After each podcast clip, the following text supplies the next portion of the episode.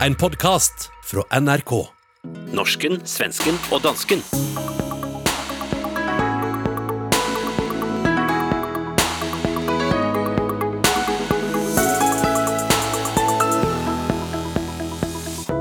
I Sverige er ABBA-bjørn på barrikadene. Donald Trump har ringt til en nordmand, men store deler av dagens sending er likevel via Danmark og en sak som kom til at præge Skandinavia og panelet på mærkbart vis.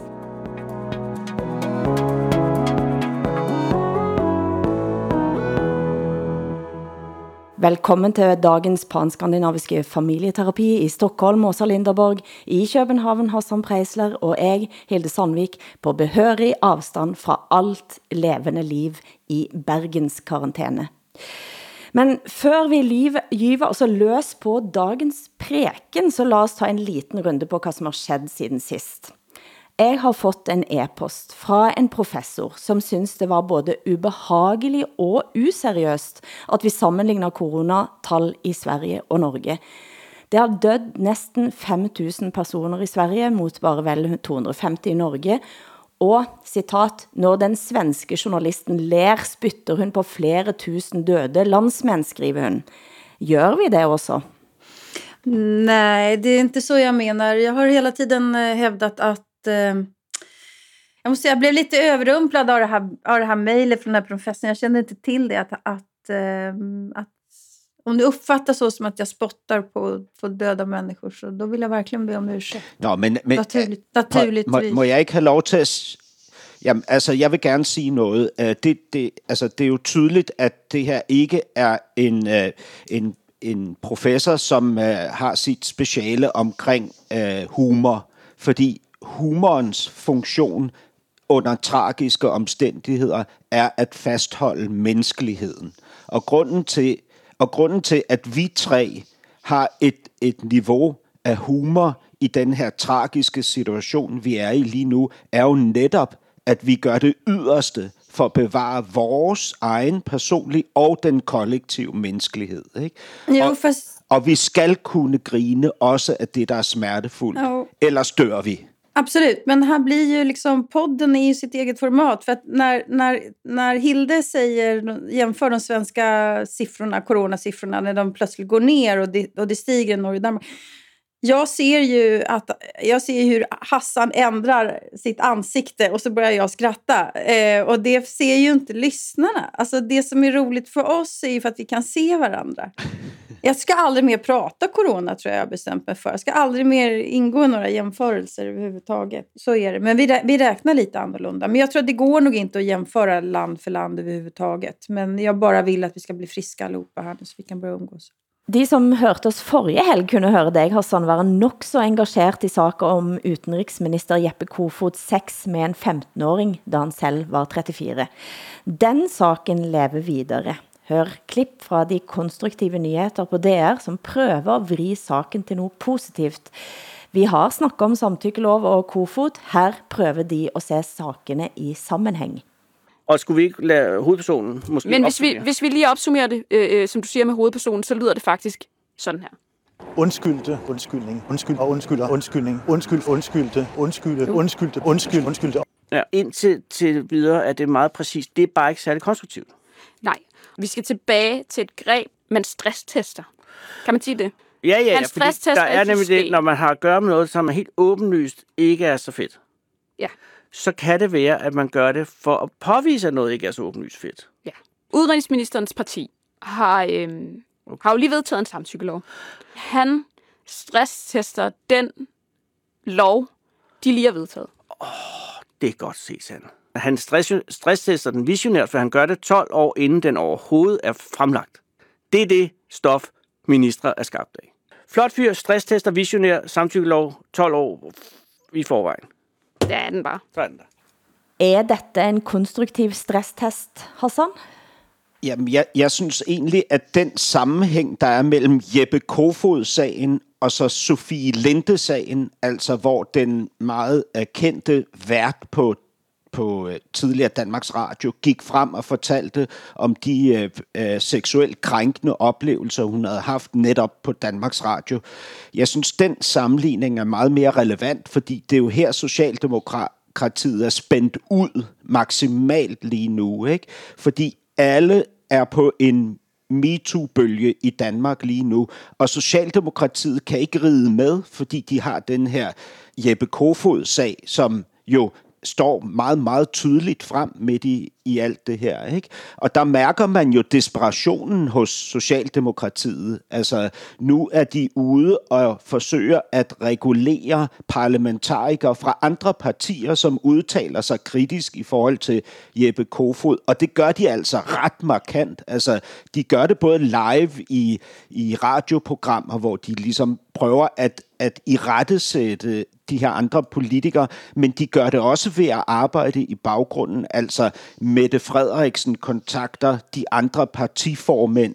Den politiske ordfører går ind på sit niveau og kontakter øh, de, de ledende figurer i andre partier. Og det, de truer med, det er, at det kan få konsekvenser for forholdet mellem altså de her andre partier, i det her tilfælde er det det radikale venstre, og så Socialdemokratiet. Ikke? At det kan få konsekvenser, siger de. Ikke? Får jag fråga, heter han kofot? Ja. Alltså som en sån här som man bryter sig in i, i Nej, det- eh, dörrar med? Det er et koben. Jaha, kofot i Sverige, det är, ett- det är ett sånt där redskap Nej, øh, som man, eh, gam, gam, gamla tjuvar har. Kofod på dansk, jeg, jeg, jeg tror måske, det betyder det, det betyder, altså fod, øh, foden på en ko. Jaha. Øh, jeg, jeg er ikke sikker, men det er et meget Bornholmsk navn. Aha, okej. Intressant namn. Du hører norsken, svensken og dansken. Programmet blir sendt i Danmarks Radio, Sveriges Radio og Norsk Rikskringkasting.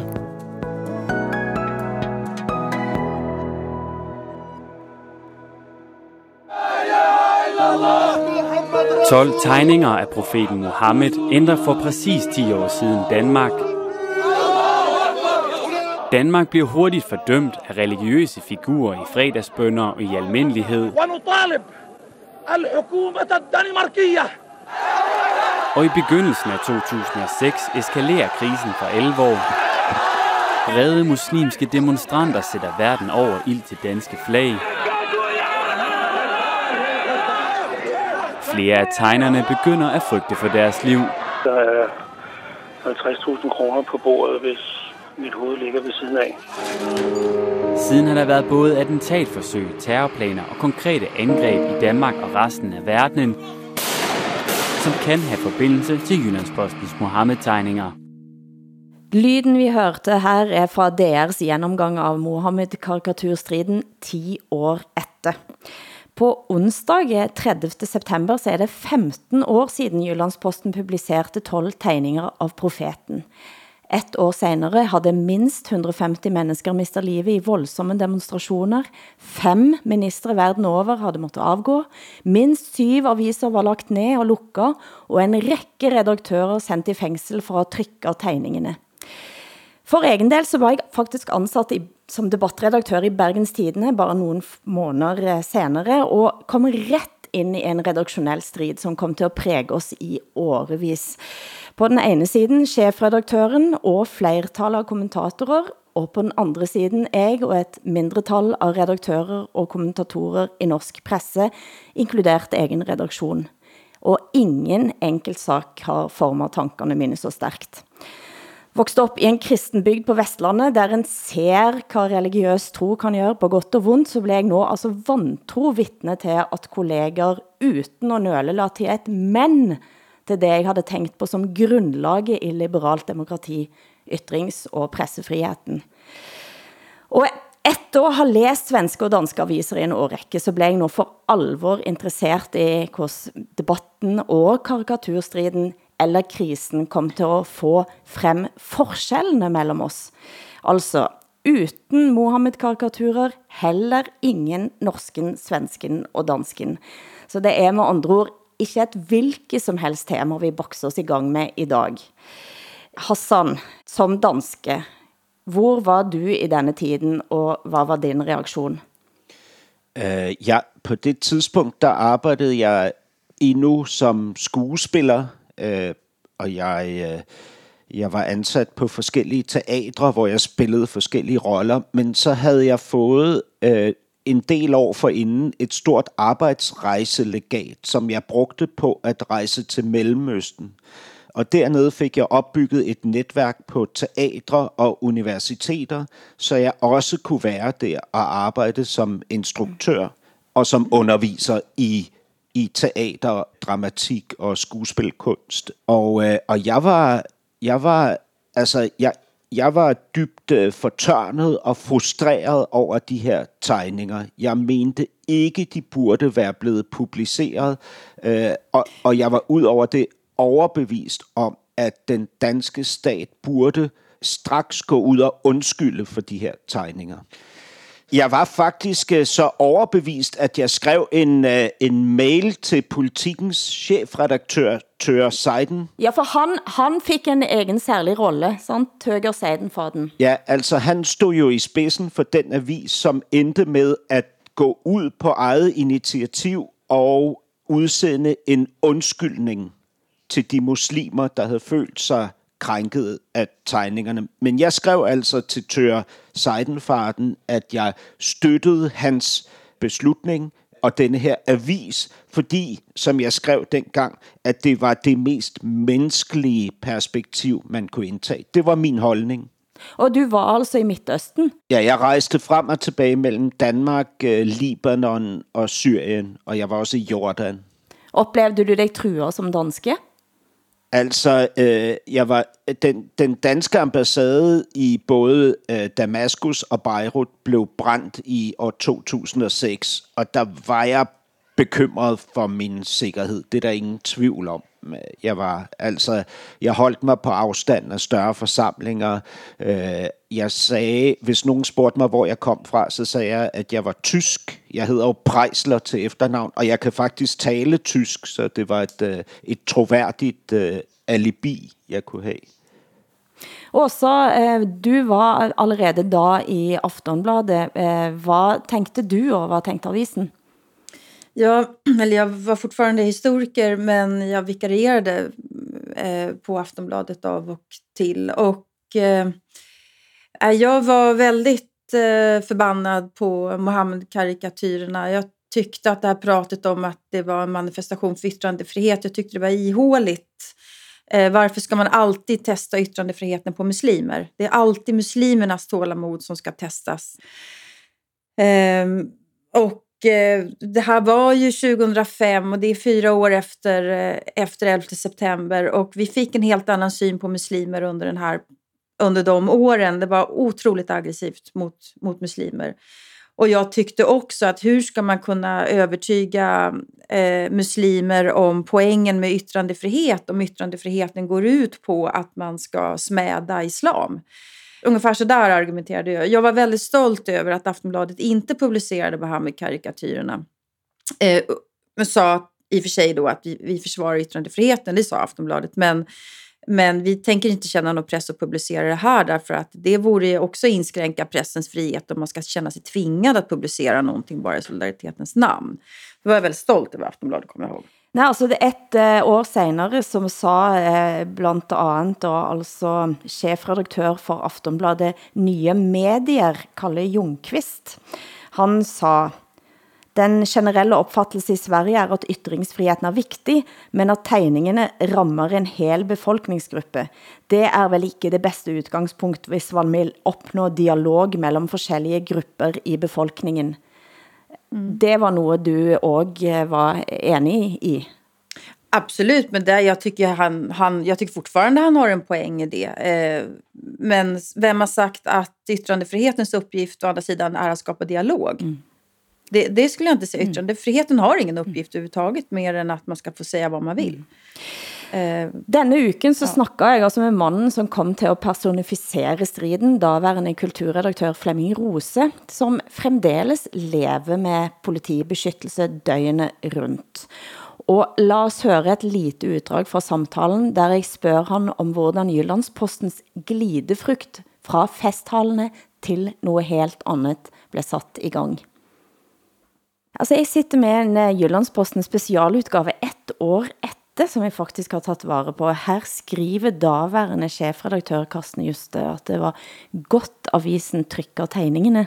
Og Sven Bestedt, som var formand i Jyllandsposten Fond, han siger, det er naturligt, at netop en økonomisk og politisk uafhængig avis som vores skal gå forrest i kampen for at hylde og beskytte ytringsfriheten.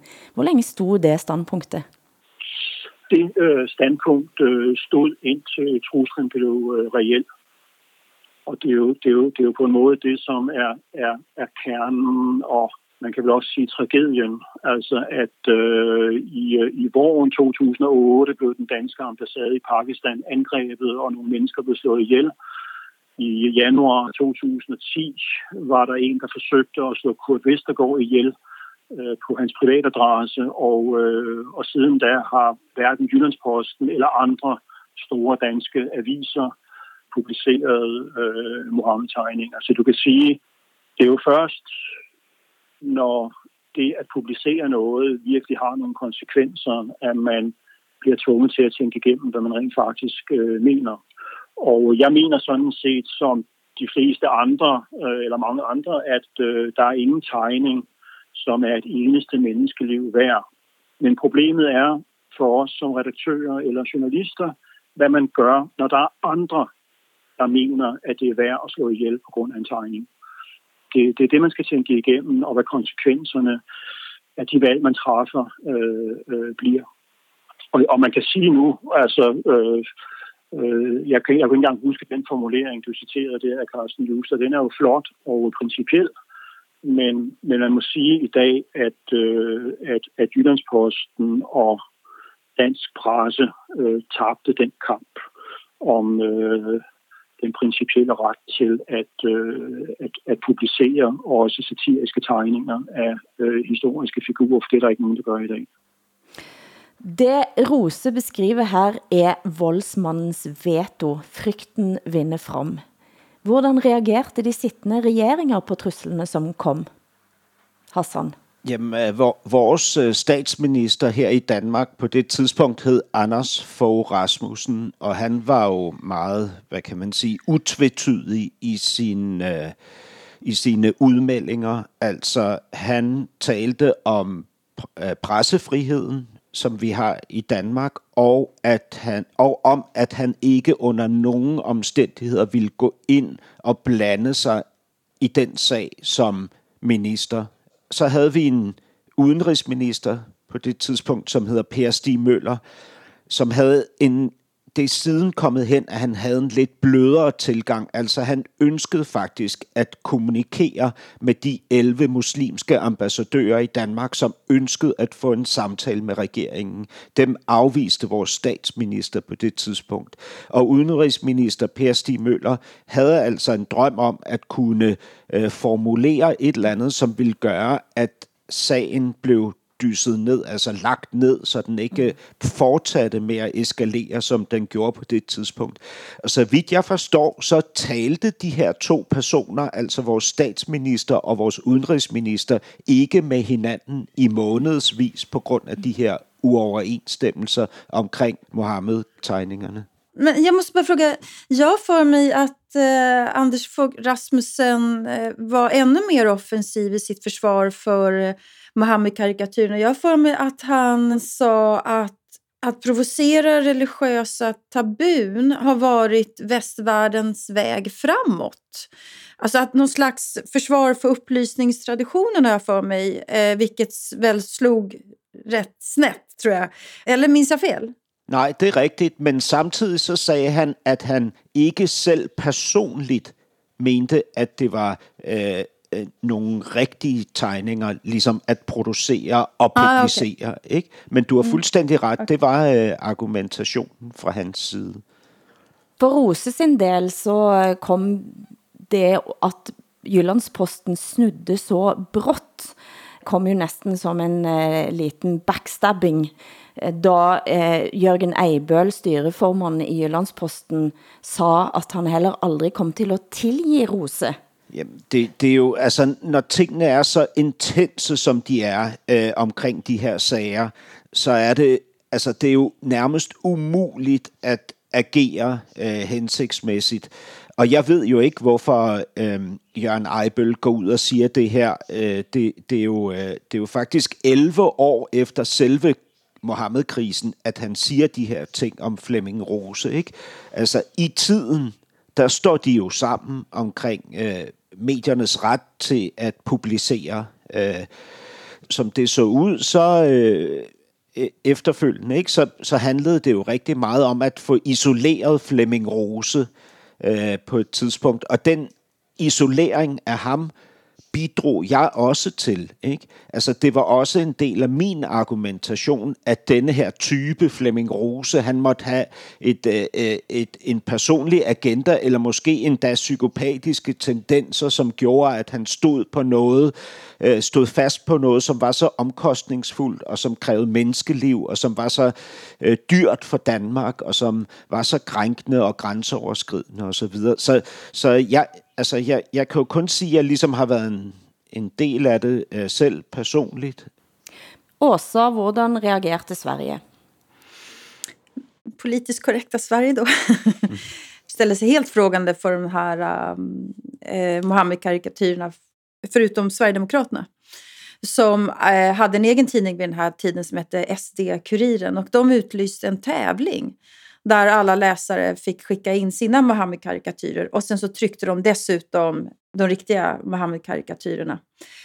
Två dagar efter det här så brändes den svenska ambassaden ner i, i Damaskus eh, samma dag som den danska ambassaden brändes ner. Och eh, Hizbollah hade en tv-station där de också berättade om vad som hände i Sverige och sa att eh, demokrati är viktigare än religion i Sverige. Och det blev ett jävla liv mot Sverige då.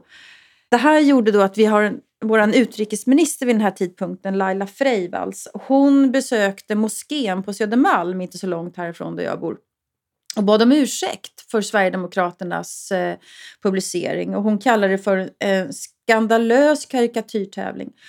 Och hon skickade också mejl till flera muslimska länders regeringar och där hon skrev att eh, jag skäms och jag ber om ursäkt, skrev hon. Sverigedemokraterna missbrukar yttrandefriheten.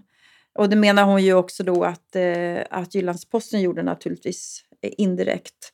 Hon ville få bort de här eh, karikatyrerna så till slut så släcktes Sverigedemokraternas webbsida ner. Vi har ett klipp här med utrikesminister Leila Freivalds där hon fossror i sitt försvar efter att SD-avisen SD-kuriren blev stängt ner efter press från Sepo och UD. Det vet jag inget närmare om. Hur kan det vara så? Ja, jag vet inte vad allt som händer, all, vad alla tjänstemän gör. Det har jag ingen närmare. Men det här alltså, du har inte varit inblandad alls? I vad då?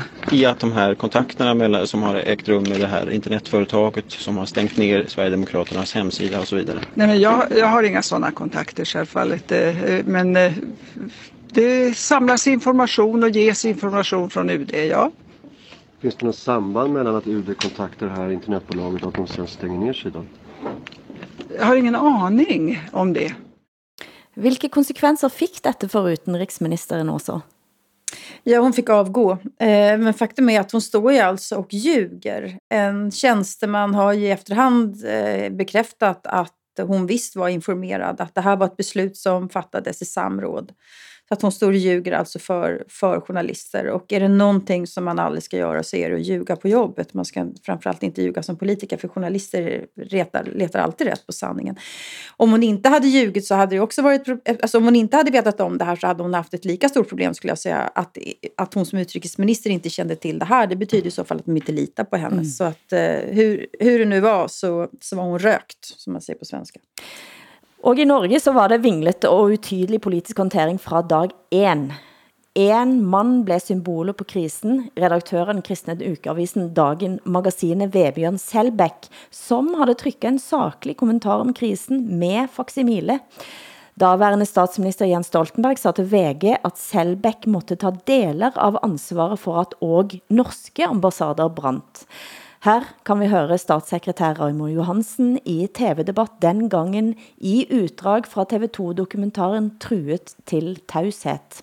Eh, Og de anklagene mot Norge kom på bakgrunn av uh, avisen Magasinet, som jeg selv aldri hadde hørt om. Det kan være min egen feil. Denne avisen man reagerte på og forta- fortalte at det er en forholdsvis marginal avis som kommer ut på Vestlandet, er ikke et Ja, forsøk kommer på ikke på Vestlandet. Er ikke, forsky, er ikke et forsøk på å skyve dette foran seg. Gjennom hele krisen gjentok regjeringen at det bare var en liten og kristen avis som har publisert Mohammed-tegningen i Norge. Redaktøren av dette kristne magasinet, eh, magasinet Den norske regjeringens budskap nådde også gjennom i den muslimske verden. من مجلة مجازات المسيحية المتطرفة التي نشرت الرسوم المسيئة للنبي الكريم Støre sier på Al Arabiya at han mener denne saken drives fram av ekstremister på begge sider. Hvordan tolker du den uttalelsen? Det er ekstremisme på den ene siden, det er ambassadebrennerne. Og ekstremistene på den andre sida, det eh, er jeg. Her hørte vi så vidt daværende utenriksminister AP's diplomatiske superstjerne Jonas Gahr Støre, som satt altså på Al Arabiya og snakket til millioner av muslimer og hævda at det i Norge var kun en liten kristen avis som havde publisert tegningene. Og det Støre sa var usant. Det var flere store aviser i Norge, inkludert der jeg selv var, eh, som på denne tiden havde publiceret faksimiler. Og dermed så satte de altså målskiven på redaktør Vebjørn Selbæk, som måtte flytte på hemmelige adresse med sin familie. Selbæk har etterpå forsøgt at få daværende regeringsmedlemmer til at undskylde. De, inkludert Støre, nægte fortsat. Hvad siger dette om det som blir sandsynligvis eh, Norges næste statsminister? Også. Oj. Nej, jag kände inte till det där faktiskt. Det, men är det ingen som pratar om det? Ingen som påminner honom om det här, eller?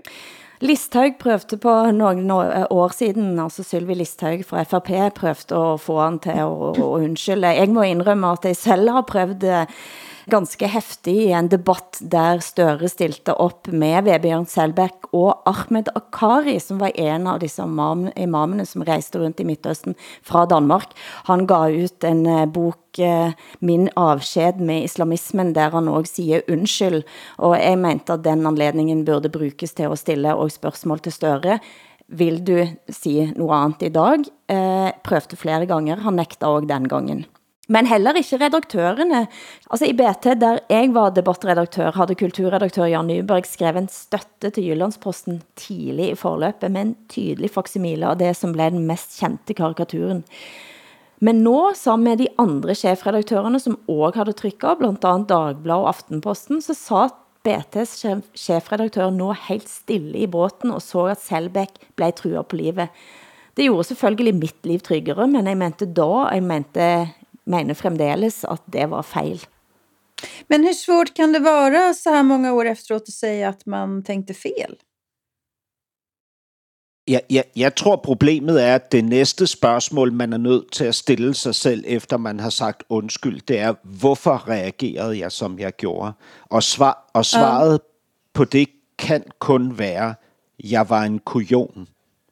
Og det Kujon, vad betyder det på svenska? Er en... Øh, Feiging, feig, feg. En feg, man var en fegis. Altså, det er jo det eneste svar, man kan give, fordi der er jo ikke noget ordentligt ide- ideologisk fundament for, øh, for ikke at støtte op om, om pressens øh, øh, fri, øh, frihed, og, og at den skal være ukrænkelig. Men alltså, det är väl två ideologiska principer som står emot varandra här Som som, som också är Ja, men som är, som är den inneboende, innebyggda konflikten i FNs konvention för mänskliga rättigheter. Alltså å ena sidan, eh, eh, artikel 19 säger att yttrandefriheten är okränkbar. Eh, artikel 20 säger man får inte hålla på med hatpropaganda. Men, men der står jo Øh, øh, noget og- om, at du ikke må, må begå hadpropaganda mod en religion. Du må ikke begå Nej, nej, nej. hadpropaganda mod religiøse minoriteter. Men en re- Nej, men jag håller med Ja. dig. Jag håller med dig. Men, men det är ju så här som man har tolkat eh, motsättningen. Eh, nu, när man, nu när man pratar om yttrandefrihetens gränser så blir det ju mer och mer att det är artikel 20. Att, man- att man får inte hålla på med hatpropaganda. Man, och, och det har vidgats till att man får inte kränka. Eh, man ska inte smäda. Man ska inte hetsa och sådär. Och var de gränserna går, det är ju det som är det stora testet. Ju. Och de gränserna snävas ju in, eh, skulle jag säga. Eller det håller vi med Det har vi pratat om mycket här i, vårt program. Altså, jeg, jeg, jeg synes jo, den grænse er ekstremt tydelig, fordi den går jo mellem krænkelser over for individer og krænkelser over for øh, ideologier og religioner. Ikke? Og, og, øh, og, ja, jeg holder ja, med. Jeg holder med. Men jeg men, mener, øh, hvis man misbruger den paragraf øh, for at dække over sit eget, sin egen fejhed, så synes jeg, at det er dobbelt problematisk. Ikke? Ja, men, men hør Hassan, du var selv i Midtøsten på den tiden. Eh, Du så eh, den danske ambassaden brænde, du var selv redd, du skrev takkebrev til Tøger Seidenfaden. Du var jo egentlig også helt enig med Støre, og at dette var den bedste håndter- måten at håndtere denne konflikten på. Vebjørn Selbæk måtte også undskylde overfor muslimer, og det, takka, det fik han tak for fra myndighetene. Eh, Så mener du nå pludselig noget helt andet? Jamen, det er sådan set ikke pludselig, at jeg mener noget andet. Det har taget rigtig lang tid. Eh, men, men min konklusion, og det, der gør det besværligt at komme til at med, mene noget andet, det er, at jeg var en kujon. Jeg var en fagis. Jeg stod ikke op for det, jeg har lært at tro på. Ikke? Øh, og, og så kan jeg komme med alle mulige forklaringer for, hvorfor jeg ikke gjorde det. Men faktum er, jeg var voksen, jeg var uddannet, jeg havde rejst i verden, øh, jeg kendte tingenes sammenhæng, og alligevel mm. så syntes jeg, at man skulle lægge låg på for husfredens skyld. Mm. Det er jo konklusionen, og det, det er for mig at være en kujon, altså en mm. fagis. Ikke? Men, men hvis jeg bare lige må sige, altså Mohammed karikaturkrisen havde jo to faser. Der var første fase, øh, øh, som handler om, at at tegningerne bliver trygt i år 2005, og så er der anden fase i år 2008, hvor tegningerne bliver genoptrykt. Ikke? Mm. Og det gør de jo, fordi der er kommet øh, afsløringer af morplaner mod specifikke danskere. Der er fem, en masse trusler mod Jyllandsposten, bombetrusler. Man begynder ligesom at se øh, den der voldsparathed, der er, ikke? og opleve den mod nationen, og derfor går man ligesom frem øh, kollektivt og siger, nu genoptrykker vi alle sammen i Danmark de her tegninger. Ikke? Og der, der begyndte jeg at vende. Men det gjorde jeg kun privat. Jeg talte ikke offentligt om det, fordi der var ikke nogen i min kreds, som gik med på det her princip. Selvom også politikken var med til at genoptrykke tegningerne, så var alle vi, øh, øh, jeg var en meget venstreorienteret kunstner dengang, vi var alle sammen orienteret mod et andet princip, ikke? som jeg i dag kun kan kalde fejhed. Ikke? Og, og, og jeg bliver simpelthen nødt til at sige, det mest principfaste øh, og jeg, og jeg mener det meget positivt. Ikke? Det mest principfaste menneske, jeg har mødt, det er Flemming Rose. Og jeg har haft ham som gæst i mit øh, program, dengang det var på Radio 24 øh, og, og jeg, altså, jeg, jeg, jeg, jeg er fuld af beundring for, at han igennem alle de omkostninger, det har haft for ham, øh, har, har stået fast på det, han mente. Altså, det er jeg vanvittigt imponeret over. Jag måste säga, alltså, jag var inte feg, utan jag, det var min absoluta övertygelse då om att man ska inte hålla på och hetsa mot eh, muslimer. Jag uppfattade teckningarna som muslimhets. Eh, som en aggressiv handling mot, mot eh, islam och mot, mot muslimer. Eh, idag tänker jag annorlunda. Inte så att jag älskar de där teckningarna, gör jag inte. Men eh, jag är mer och mer övertygad om eh, hur viktigt det faktiskt är att vi försvarar konstens frihet och yttrandefriheten. Jag tycker det är konstigt att jag inte var lika engagerad i den frågan som jag var då. Men jag hade, jag hade andra principer så som världsläget såg ut då. Vad var det som gjorde att du ändrade eh, uppfattning? Nej, men alltså jag tror... Alltså I alla andra fall så har jag ju försvarat yttrandefriheten och konstens frihet i samtliga andra fall. Men det var just så här att det här skulle riktas mot muslimer. Det var samma sak med den där jävla rondellhunden som Lars Vilks eh, tecknade också. Vad fan ska man hålla på med muslimerna hela tiden? Eh, I alla andra fall så har jag liksom försvarat konstens frihet. Men, men eh, det var en successiv process faktiskt när vänstern i Sverige vill, vill förbjuda och förhindra mer och mer och mer och mer och mer. Eh, och sen så var det den stora grandfinal var ju Charlie Hebdo eh, som tog mig väldigt väldigt, väldigt hårt. Eftersom jag är journalist så tänkte jag alltså det, det, då kan man identifiera sig själv. Plötsligt bara kan de gå in och skjuta ihjäl oss på en, på en tidningsredaktion. Man står liksom sig själv närmast naturligtvis. Men eh, Sen, sen har vi haft vissa strider i Sverige om yttrandefriheten där, där jag har gjort motstånd med vänstern, till exempel i kampen för att högerpopulistiska Nya Tider ska få vara med på Bokmässan. Jag hade också önskat att Julian Assange-fallet hade blivit en fråga om yttrandefrihet mer än att det hade varit en fråga om eventuell våldtäkt till exempel. Att, ja. Men eh, för min, för min del, jag tror jag har tänkt eh, över varför var jag på Jyllandsposten och Flemming Roses parti ifrån dag 1. Eh, och en hypotese jeg har er at det er veldig mange journalister som overhovedet ikke har noe befatning med religion. Eh, og dermed tænker om religion som kultur, og dermed heller ikke ser at religion har så stor magt i sig. For mig så var det et, eh, et press mot makten, og ikke mot minoriteten jeg så. Altså mot den religiøse makten, og det tænker jeg er noget at holde fast ved, og at vold og trusler om vold ikke kan få dig til at sige sådan, nej, men da, men da undgår jeg det. Jeg ser, at denne, jeg ser, at hvis jeg siger dette, så bliver folk så sinte, og da vil jeg undgå at sige det. For mig så stræder det så intenst imod princippene, selve grundprincippene i hvad det er at ha en, ja, en ytringsfrihed. At jeg, jeg fremdeles den dag i dag har problemer med at skønne den positionen, som kanskje dere havde da. Fast om du, om du är muslim, eh, alltså de flesta muslimer skiter i, i Mohammed-karikatyrerna och de flesta muslimer struntar i rondellhunden också. Jag ska säga, idag har jag rondellhunden på väggen här hemma. Jag har fått den av Lars Vilks.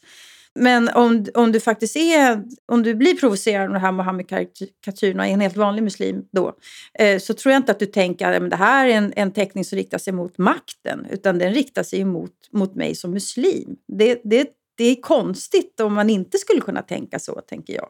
Därmed inte sagt att man inte ska få göra det, men eh, Alltså, tolkningen ligger i betraktarens öga. Jag förstår om muslimer blir provocerade. Ja, provoceret er en ting. Eh, vold er noget andet. Jo, men altså, prøv at høre, vi, vi bliver jo alle sammen provokeret hele tiden. Det er jo, altså, det er jo meningen med den frie debat, det er, at den går til grænsen, ja, til grænsen af jo, vores ja. oplevelser Jo, ja, ja. af, af, hvad det vil sige at være provokeret eller ikke provokeret.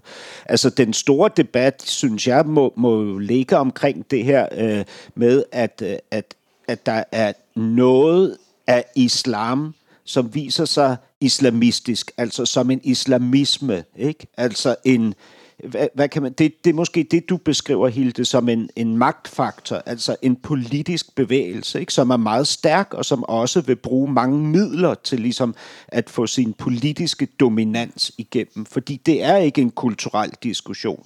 Det, er, det handler om politisk dominans, ikke? om regulering af andre enheder op imod ens egen enhed. Ikke? Og det, det er her, jeg synes, der, altså, at der sker et twist. Ikke? Og, og, og så kan man jo sige, som Flemming Rose gør, at vi tabte kampen dengang. Ikke? Og det har jo også været sådan siden år 2008, at der ikke nogen, der har genoptrykt øh, karikaturtegningerne ud over Charlie Hebdo, altså, øh, som jo i den grad også har fået konsekvenserne at mærke. Men jeg synes... Og som nu har fået en ny dødstrussel mod sig, som har Ja, ført til at flere franske medier nu faktisk har genoptrykket Ja. eh, Charlie, Charlie Hebdo-tegninger. Men, men jeg spurgte men, Flemming... Ja. ja, men må jeg ikke bare lige gøre min pointe færdig? Fordi ja, det er rigtigt, vi tabte den kamp, ikke? Men mm. jeg synes også, vi tabte en anden kamp på det tidspunkt, ikke? Og det var kampen mellem det principfaste og det principløse. Altså, der overtog det principløse. Og jeg er kunstner, ikke? Jeg lever i dag på, på en arena, hvor principløsheden er dominerende. Det vil sige, du kan bøje og svæve, som du vil i forhold til vinden, og lade dig diktere af tidsånden. Fordi det principfaste, det tabte på det tidspunkt i 2008. Jeg spurgte Flemming Rose om hvordan han ser på ytringsfrihetens vilkår i dag i forholdet mellem Norge, Danmark og Sverige, og her er hans svar.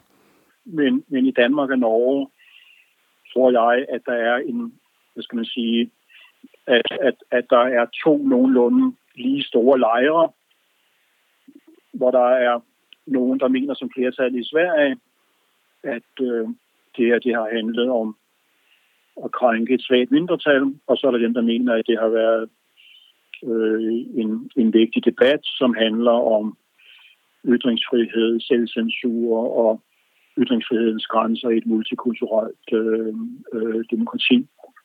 Jeg vil sige, at jeg tror sådan set, at, at Norge måske er det land, hvor debatten om tegningerne har haft den, den mest transformative effekt i den forstand, at Norge måske i begyndelsen, i første fase af debatten om tegningerne, var tættere på Sverige end på Danmark, mens at Norge i løbet af de sidste 15 år har bevæget sig i retning af den danske position, og hvis man ser bredere på ytringsfrihedens status, så mener jeg helt klart, at Norge, altså Norge er det land i, i Norden, hvor, hvor, hvor ytringsfriheden i dag har det bedst. Han mener her at eh, Norge er det landet der ytringsfriheten står bedst, men han siger også i samtalen at eh, ytringsfriheten generelt eh, er under stærkt press i dag. Og kanskje med det som den britiske forfatteren Kinan Malik har kaldt en sekulær ideologi. Du skal ikke fornærme andre kulturer. Du skal respektere enhver tro, uansett hvor irrationell den er. Du skal censurere egne meninger i toleransens navn og en sekulær teologi, altså, som er næsten lige skadelig som en hvilken som helst andet religiøs dogme. Denne principløsheten, du snakker om, Hassan, Ja, altså det, det, ja, det er det, det handler om. Ikke? Det handler om, at du skal ikke stå for fast på noget, fordi hvis du gør det, så er du fundamentalist. Ikke? Altså for eksempel ytringsfrihedsfundamentalist. Ikke? Det vil sige, du skal bøje af hele tiden i forhold til det, der kommer udefra, eller lige inden ved siden af fra, med sine følelser, øh, sine oplevelser af dig. Bøj af på det, tilpasse dig, regulere dig selv og dit udtryk i forhold til de krav, der kommer fra, de, fra nogle ydre omstændigheder. Ikke? Og det kan man jo sige, mås, altså det, det, er jo, det kunne måske fungere godt i et parforhold, ikke?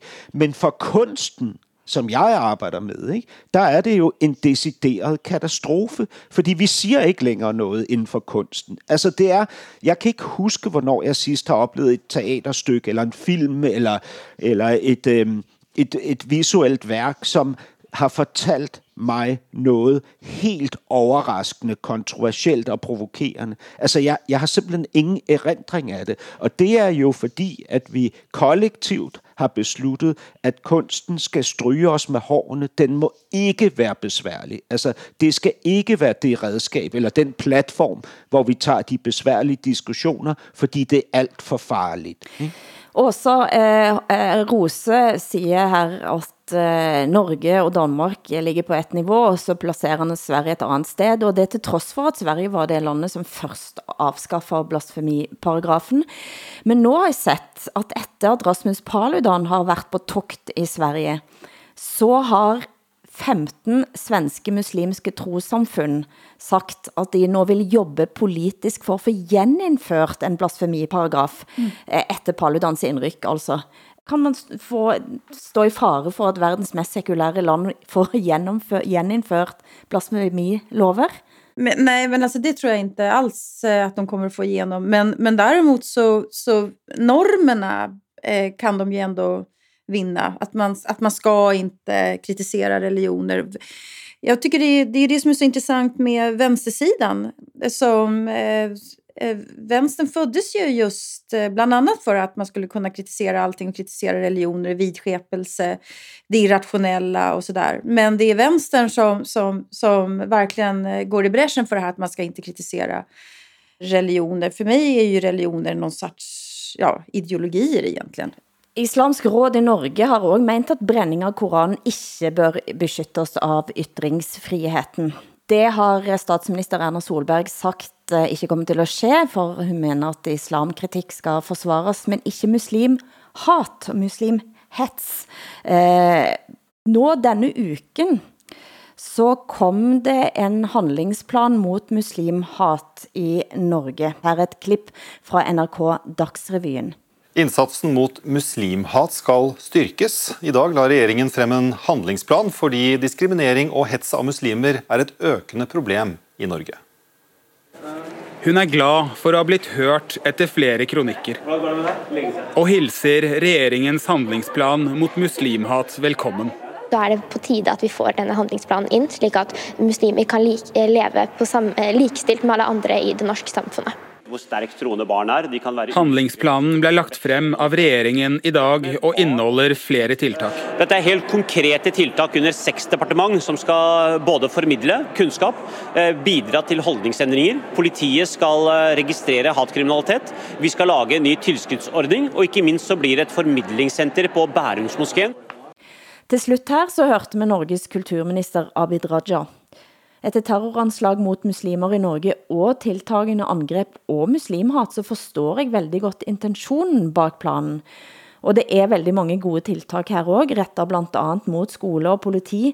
Men det sidste poenget her, om formidlingscenter i moskeen, får likevel min ryggmargsrefleks til at slå ut. Eh, og så da jeg sa det til dig, så sa du, men hvorfor, eh, hvorfor reagerer du på dette? Nej, jag tänker, sånt här har vi ju eh, i Sverige, många sådana här handlingsplaner mellan myndigheter och, och civilsamhället. Eh, eh, jag, jag, jag funderar varför, varför du tycker det här är, varför du är tveksam. Vad, alltså, vad kan det göra för skada menar du? Nej, alltså mitt, eh, min flashback eh, gick rätt och slett också tillbaka till, till en artikel av Keenan Malik som tryckte faktiskt i BT da jeg var debattredaktør der, jeg fik Malik in som gæsteskribent, og i den första artiklen skriver han om sin opvækst i Manchester, eh, som det som var etter hvert at bli en sekulær ung gutt med eh, indvandrerbakgrund. Eh, han fortæller om de årene da Salman Rushdie-affæren eh, kom op, og han fortæller om hvordan den britiske regeringen umiddelbart strak hånden mot netop moskeen, eh, og gav, ifølge Malik, imamene med moskeen en autoritet som de aldrig havde haft før. Imamene blev hentet som ind som rådgivere, og det jeg læste både at det, eh, det skal oprettes et formidlingscenter tilknyttet en speciel moské, som jeg gerne kunne ønske at eh, vite hvilken type moské er, og hvem det er som står bak. Eh, men jeg fik altså en veldig tydelig eh, tilbake, altså en, et minne om artiklen til Kinan Malik, og tænker at dette i alle fall bør diskuteres. Plus at jeg reagerer også på at tiltak skal koordineres av Kulturdepartementet. Igen den tanken om at den ser på religion som kultur, og ikke altså som makt. Mm. Hassan, hvad tænker du? Ja, men... Altså, hvor, hvor idiotisk man end kan synes, det er at tegne en tegning eller brænde en bog af. Altså, så, så er min holdning, min personlige holdning, øh, og det er en, der har udviklet sig over årene, det er, at der er ikke noget, der kan stå over de principper, vi har vedtaget kollektivt, at vi står inde for. Altså det er simpelthen der, vi er nødt til at, stille os. Og når folk så øh, laver en adskillelse mellem øh, principperne og for eksempel menneskeliv, at man siger, lad os droppe principperne, for, fordi vi kan spare nogle menneskeliv, så mener jeg, at man gør lige præcis det modsatte, fordi menneskelivet er afhængigt af principperne. Altså, det kan være principper som næstekærlighed eller tilgivelse, men det kan jo i den grad også være ytringsfrihed. Ikke? Altså, hvad, hvad ville vi have gjort op imod alt det andet demagogiske, der er i vores fælles historie, hvis vi ikke havde haft mennesker, enheder, grupper, øh, øh, øh, andre stater, der blandede sig, ytrede sig, talte om det her, fortalte historien om, hvad der foregår. Ikke? Og, og det kan være en historie, man er uenig i. Det er underordnet. Det væsentlige er, at princippet ytringsfrihed er et princip, jeg ved, vedtaget, og det kan vi ikke bare ligesom sælge ud af, når det gør ondt. Du hører norsken, svensken og dansken i SR, DR og NRK.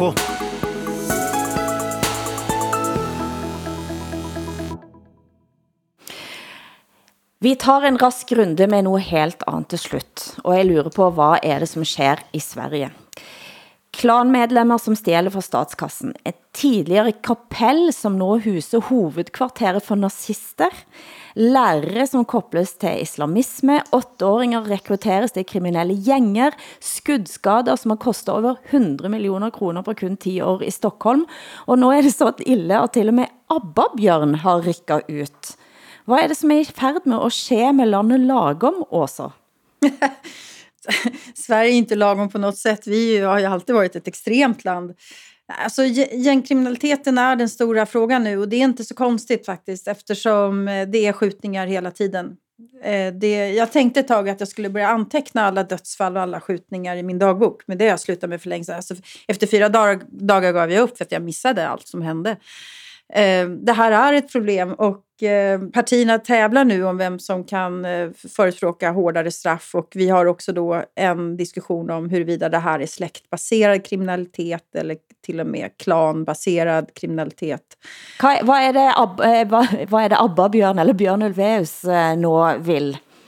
Ja, han vill eh, lätta på de här eh, rättssäkerhetsfrågorna egentligen. Alltså, han tycker att man ska införa mer avlyssning och kontroll. Mm.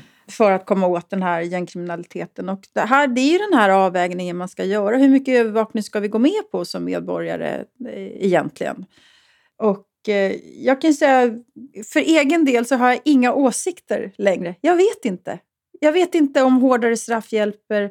Jag vet inte eh, hur man ska göra med unga män som rekryteras. Jag, jag, vet inte lösningarna. Alla rapporter som jag läser, jag läser in mig så mycket på det här nu så att jag blir alldeles snurrig, men det finns ju flera rapporter som visar att det spelar ingen roll om, om man erbjuds arbete och utbildning och så där. Det finns många som faktiskt inte vill ha det, utan det här är någonting som man väljer frivilligt också.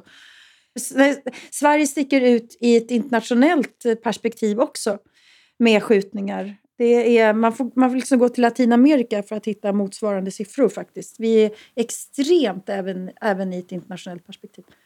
Greta Thunberg eh, spås nu vara eh, toppfavorit som eh, Nobelpristaker. Denne uken så er det en anden eh, mulig kandidat, nemlig Donald Trump, som ringte til Christian Tybring-Gjedde i FRP i Norge eh, for at takke han for at han havde også blivet nomineret eh, til fredsprisen. Eh, og Hassan, hvem bør få fredsprisen? Greta Thunberg eller Donald Trump?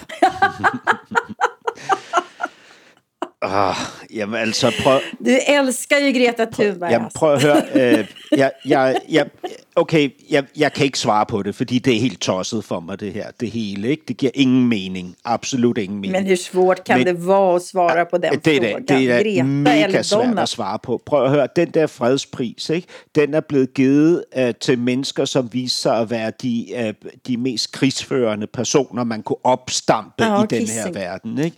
Uh, det, prøv at høre, det er et håbløst projekt. Men det er priser. Priser er helt gakket. Ikke? Jeg, jeg har gjort det med de priser, jeg har. Så har jeg sat dem ud herude i min gård, i min baggård. Der har vi et affaldsrum. Der er der en byttehylde, altså en hylde, hvor man kan lægge de ting, man ikke længere, længere ønsker at have. Ikke? Så det kan være gamle bøger, noget bestik fra din køkkenskuffe. Det kan være noget, eller Nobels fredspris, mener du? Eller det kan være Nobels fredspris, fordi det er det eneste sted, den hører hjemme, den pris. Forrige uke så fik norsken, svensken og dansken 15 minutters reklame til Expressens podcast Lunch med Montelius. Men her kommer det også med grove anklager mot en av oss, som jeg synes den vedkommende må få svare på. Where I first got second but first. Skriver du fortfarande dagbog? Nej, fordi så vil jeg gerne have, at du læste noget op om mig. Vad är det är det Han vill att hon ska läsa upp i programmet vad hon har skrivit om honom i sin dagbok. Fast det här är ju väldigt bra. Ja, det är bra. Alltså det är, ja, det är väl, otroligt ja, det är bra. Men Nej. till ett ja. högt pris. Ja. Oj, vad förälskad han är, den där dansken. I det här ögonblicket, i var de nu satt någonstans, så skulle ju Åsa kunna be honom om vad som helst. Ja. Han skulle göra det. Ja, men så är det ju. du ska få lov til at bare kommentere helt raskt, Hassan. Er du forelsket i Åsa? Nej. Altså, nu, nu ved jeg jo, kære Åsa, Ska vi verkligen ha det här idag? Ja, helt klart. Øh, fordi det giver mig faktisk en mulighed for at sige noget til dig, som jeg længe gerne har ville sige. Øh, og jeg vil gerne fortælle dig, at på trods af, at jeg jo er blevet fløjløs, altså jeg tilhører ikke længere den venstrefløj, fordi den blev systembevarende og reaktionær og frygtsom, så har jeg øh, inde i mig stadig en stor og bankende kærlighed til den marxist, som sidder der i Stockholm uge efter uge og åbner sig for os her i norsken, svensken og dansken. Jeg er ikke bare forelsket i dig. Jeg elsker dig. Jag älskar er också. Jag älskar dig Hassan. Jag älskar dig Hilde. Jag gör verkligen det. Blir sidste replik i en sending der ytringsfrihetens fane er holdt højt. Producent har været Henrik Hylland Ulving, tak til Åsa Linderborg i Stockholm, Hassan Preisler i København, jeg heter Hilde Sandvik i Bergen. Vi høres igen om en uke. Gud vad generad jag blev. Fan. Shit.